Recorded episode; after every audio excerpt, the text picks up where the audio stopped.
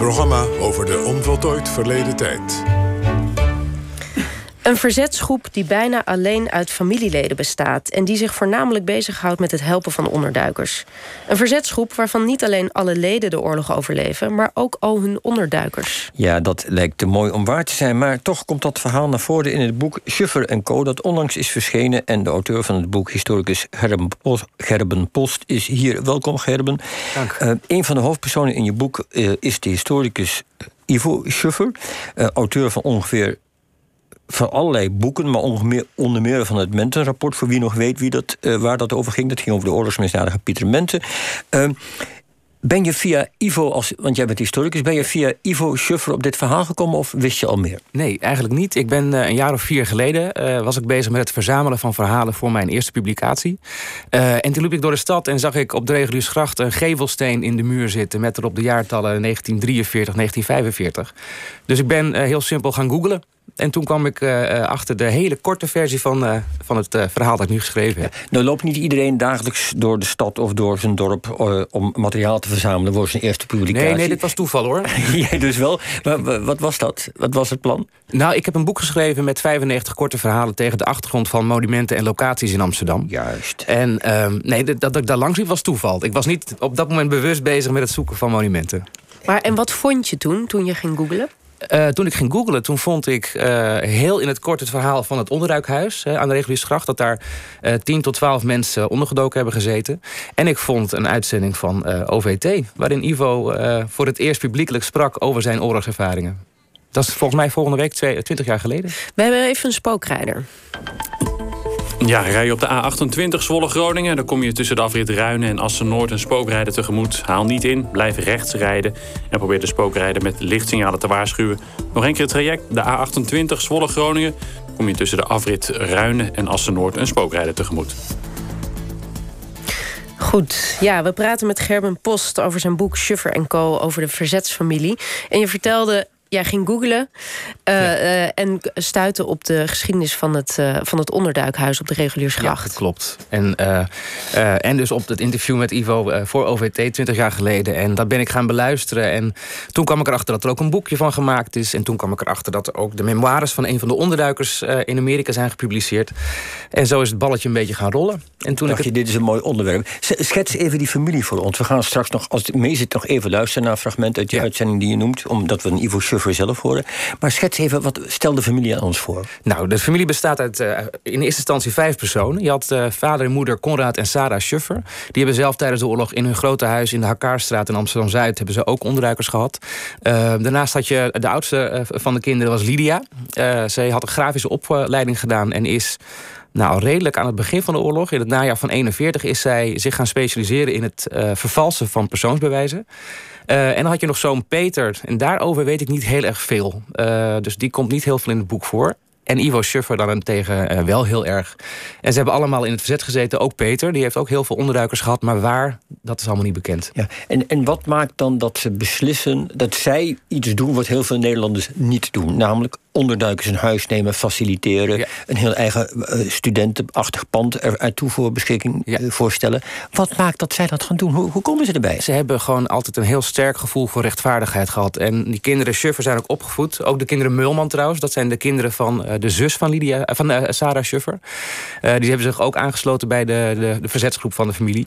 Ze hebben hun kinderen altijd geleerd dat als je onrecht ziet... of als mensen in nood zijn, dan moet je helpen. Dus het was eigenlijk heel vanzelfsprekend dat zij in het verzetsrollen, uh, verzetswerk rolden. Um, ja, en nou ja, ik ben benieuwd, hoe, hoe begint dat? Want je kan een groot gevoel voor, voor rechtvaardigheid hebben... maar waar, waar begint het bij deze familie? Het begint eigenlijk bij, bij Joodse kennissen en buren en, um, uh, en, en, vrienden... die uh, hulp nodig hadden. In eerste instantie met het vervalsen van persoonsbewijzen. En later ook, toen de deportaties in juli 1942 begonnen waren... ook um, uh, met het zoeken van onderduikplekken. Ja, maar was het niet ook zo, meen ik me te herinneren... want ik was een van degenen die het interview maakte... Ja. waar je het net over had... dat hij zegt, ja, we hadden ook al voor de oorlog heel veel. Ze had, in de familie had ook, was ook een soort pension, dat huis. Hè, dat ze veel Duitse vluchtelingen hadden. Dat ze snapten wat er gaande was. Ze wisten het al. Ze wisten het al. Ze hadden, ze hadden veel contacten met, uh, met Joden uit Duitsland, inderdaad. Of überhaupt met Joden. En die hadden dan weer contacten met Joden uit Duitsland die de verhalen vertelden. Dus zij waren wel op de hoogte van: oké, als het in Nederland uh, misgaat, dan gaat het misschien ook wel heel erg goed mis. Dus ze waren wel enigszins voorbereid op, uh, nou niet op een, een holocaust, uh, want dat was toen nog niet uh, bekend toen de oorlog uitbrak. Maar wel ehm, dat de Joden het heel zwaar zouden krijgen. Ja, nou is een van de plekken waar ze dus onderduikers onderbrengen... is het studentenhuis waar Ivo dus ook woonde, Ivo Schuffer. Dat komt leeg te staan nadat de studenten hebben geweigerd... de loyaliteitsverklaring aan de Duitsers te ondertekenen. En laten we even luisteren naar Ivo Schuffer uit dat interview... waarin hij vertelt, twintig jaar geleden inderdaad bij ons... over hoe dat ging die Dus het huis stond leeg. En toen heb ik daar een, een achttal vaste bewoners en een vlotte de bevolking van vier nog erbij. Dus we hadden vaak twaalf of veertien mensen in. En mijn uh, zuster kwam er vaak, en mijn nichten en mijn neven. We hadden een heleboel van de familie. Van, hoe oud eigenlijk? Hoe oud was hij? Nou, ik was een jongen 21, 20, 21. De, soort huisbaas van die hele onderduik? Ik was de huisbaas van het onderduik. En uh, ik beheerde het geld. Sommigen betaalden, anderen konden niet betalen. Maar dat is toch, wist dat niet is over toch wat heb je als, als jongen van 20 eigenlijk de regie over leven, over Ja, en dan werd je reuze, reuze autoritair van. Oh ja, ja, ja. ja. Vertelt u eens. Karakterbedervend. Oh ja? Ik gaf standjes. En, oh eh, ja. En, uh, als iemand zich aan het raam vertoonde en ik zag dat toevallig, dan kreeg hij opzet op zijn donder. En het was een oude heer die dan op zijn donder kreeg van mij. Ja, dat Ivo Schuffer over zijn eigen rol in het verzet vertelde... dat was uitzonderlijk, uh, begrijp je, uit, je boek. Want de familie wilde het er eigenlijk nooit meer over hebben na de bevrijding. Nou, het is niet zozeer dat ze het niet over wilden hebben... maar ze vonden niet dat ze iets bijzonders gedaan hadden. Dat zie je wel met meer echte verzetstrijders. Die hebben, uh, of vooral ook mensen die, die onderduikhulp hebben verzorgd... die spraken er niet over omdat ze niks bijzonders gedaan hadden. Omdat ze vonden dat ze mensen moesten helpen. Mensen in doodnood, die help je. Uh, en waarom moet je daar heel veel over praten? En, uh, maar je bent toch heel veel te weten gekomen. Ja. Um, uh, wat was de, de beste bron die je had? Nou, ik heb heel veel beste bronnen gehad. Dat is een beetje lastig om dat te vertellen. In het Stadsarchief bijvoorbeeld, hè, je noemde net al even het pension van Sarah Schuffer. Uh, er liggen allemaal klachtenboeken waarin gasten konden schrijven wat hen was opgevallen of, of wat hen niet, was bevallen. Maar het fungeerde ook een beetje als een dagboek met heel veel foto's erin. Dus dat was een prachtige bron om te kijken hoe die familie was. Heel hecht en heel gezellig. Ehm, daarnaast heb ik het privéarchief van Ivo Schuffer van zijn dochter thuis gekregen. dat ligt nog in mijn, in mijn werkkamer. Dat gaat nog naar het stadsarchief. en de allermooiste bron die ik daarin heb gevonden is toch wel... dat zijn de dagboekjes van Marijke Mulman, de nicht van de familie Schuffer... die ook bij de groep betrokken was. En wat maakte die dagboekjes zo mooi? Nou, in eerste instantie toen ik ze in handen had, dacht ik van... oh, dit is mooi, want ze gaat vast heel veel vertellen over haar verzetswerk... maar niks, is helemaal niks uh, over uh, hulp of wat dan ook. Logisch ook natuurlijk, hè, want als je dat wel opschrijft... en het valt in verkeerde handen, dan, nou ja, dan kunnen heel veel mensen... daar heel veel problemen mee krijgen. Maar ik ging ze lezen en ik kwam erachter dat ze uh, een prachtig sfeerbeeld... Van de, van de stad Amsterdam geeft. En hoe dat verandert, hè, hoe de sfeer verandert gedurende de oorlog. Maar vooral ook de mentaliteit van de Amsterdammers die, die, stond op een gegeven moment een beetje af, in zekere zin. iets wat heel normaal is, uh, wordt abnormaal. En iets wat abnormaal hoort te zijn, wordt op een gegeven moment heel normaal. Dat je bijvoorbeeld vier uur in de rij staat voor een brood... en dat alles dan uitverkocht blijkt te zijn, bijvoorbeeld. En je merkt ook dat Marijke zelf ook uh, in zekere zin wel afstond. Uh, en dat vond ik heel ja, wrang natuurlijk om te zien, maar tegelijkertijd ook wel heel erg mooi om dat uh, te kunnen gebruiken. Hoe je ziet hoe mensen veranderen tijdens ja. die periode met ja. extremiteiten. En, en wat voor plaats nam die groep Schuffer uh, uh, in binnen het verzet eigenlijk? Wat was, wat was, het, was er ook contact met andere verzetsgroepen? Nou, in eerste instantie heel sumier. er was contact met de groep CS6, maar dat is heel snel hebben ze dat afgekapt, omdat die toch ook wel onvoorzichtig waren en ook bezig waren met gewapend verzet. En daar wilde de familie zich verder van houden.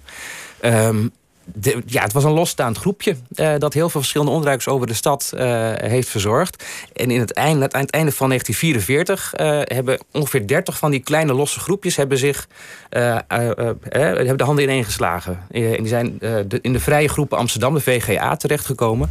Um, die elkaar hielpen aan onderduikplekken, aan bonnen en dergelijke. terwijl ze wel hun autonomie behielden. Dat was voor die groepen heel belangrijk. Ja. Nu heeft iedereen van die onderduikers overleefd? Ja. En weten we ook om hoeveel mensen het gaat? Nee, ik, ik, ze waren heel voorzichtig, de familie Schuffer. Dus die hebben nooit iets opgeschreven. Uh, ze hadden ook nooit contact met elkaar over andere uh, onderduikers. Alleen die van de Reguliersgracht, omdat ze die samen uh, verzorgden. Dus daarvan weten we het. Ehm, maar mijn inschatting is, alles bij elkaar moet het er honderden zijn geweest. Direct en indirect hoor. Ja, als je alleen al bedenkt dat één vervals persoonsbewijs van Lydia... Uh, uh, voor een verzetsman uh, of vrouw... kan zo 20, 30, 40 mensen het leven hebben gered. Ja. Maar hoeveel er zijn, ik heb geen idee. Nou, en die voorzichtigheid, want je had het daarover... was dat specifiek voor dat ze extreem voorzichtig waren en secuur? Nou, dat hadden wel meer groepen, uh, maar ook sommige groepen niet. En daar is het wel vaak slecht mee afgelopen. Bijvoorbeeld CSS, het grootste deel van die groep is geëxecuteerd in de duinen van Overveen. Uh, maar de familie was zo voorzichtig dat dat denk ik wel een van de redenen is geweest... dat zowel zij zelf als hun onderduikers het allemaal hebben overleefd. Nou hebben ze het er na de oorlog dus niet meer zoveel over, over gesproken. Um, heeft dat verzetswerk nog wel enige vorm van uh, erkenning gehad? Jazeker. De familie uh, Schuffer en ook uh, Co en Marijke Mulman... die hebben allemaal de Yad Vashem onderscheiding van rechtvaardig onder de volkeren gekregen. Marijke heeft die echter geweigerd, want die vond dat ze niks bijzonders had gedaan. En waarom zou je voor iets wat niet bijzonder is onderscheiden moeten worden? Dus die heeft hem geweigerd. Maar de rest van de familie heeft hem in de jaren 70 al gekregen. En Co heeft hem na Overlijden in 1990 ontvangen. Ja, waar, we, waar ik toch nog heel even op wil terugkomen, want dat interview op een gegeven moment, eh, twintig jaar geleden, vraag ik aan Ivo Schuffer. Eh, wat, ik, wat mij zelf. Nou nee, laat dat even buiten beschouwen. Want wat hij, hij is dan ook inderdaad bescheiden. Zegt het viel allemaal van mee. Het was met toeval wie je tegenkwam. Of je wel of niet in het verzet ging. En op een gegeven moment zegt hij dan de zin. Maar ja, je moet ook een beetje durven. Ja. En dat vond ik zo mooi. Is typeert hem dat? Ik denk het wel. Hij heeft altijd gezegd, als mensen hem vroegen van... Goh, hoe, hoe kan het dan toch dat je zo jong bent... en dat je dan dit durft te gaan doen? Dan zei hij van, ja, ik had ten eerste dat pand ter beschikking... Eh, en ten tweede goed vervalste papieren. Hij liep ook altijd in korte broek, of vaak in korte broek... Uh, op straat, met een goed vervalst persoonsbewijs. Hij zag er heel jong uit voor zijn leeftijd. Uh, en dan, dan, ben je niet verdacht als je een korte broek rondloopt. Nee, dat is de nee. gedachte erachter. Het was in principe op een gegeven moment... vanaf een jaar of 18 was je toch wel... weet je, geacht om in Duitsland te gaan werken. Uh, en als je ging onderduiken en ze zouden je pakken, ja, dan werd je dus meegesleurd. En als je jonger dan 18 was, dan was dat niet het geval. Uh, en hij zag eruit als 15, 16. Zijn neef Co ook. Uh, die is vorig jaar overleden. Die heb ik nog heel veel gesproken. En die zei ook van nee hoor, korte broek en, en een lange kous en dan durf je veel meer. Inderdaad. Goed, Gerben Post, hartelijk dank voor je komst. Het is allemaal te lezen in je boek Schuffer Co. En het is uitgegeven bij Prometheus. Dank je wel.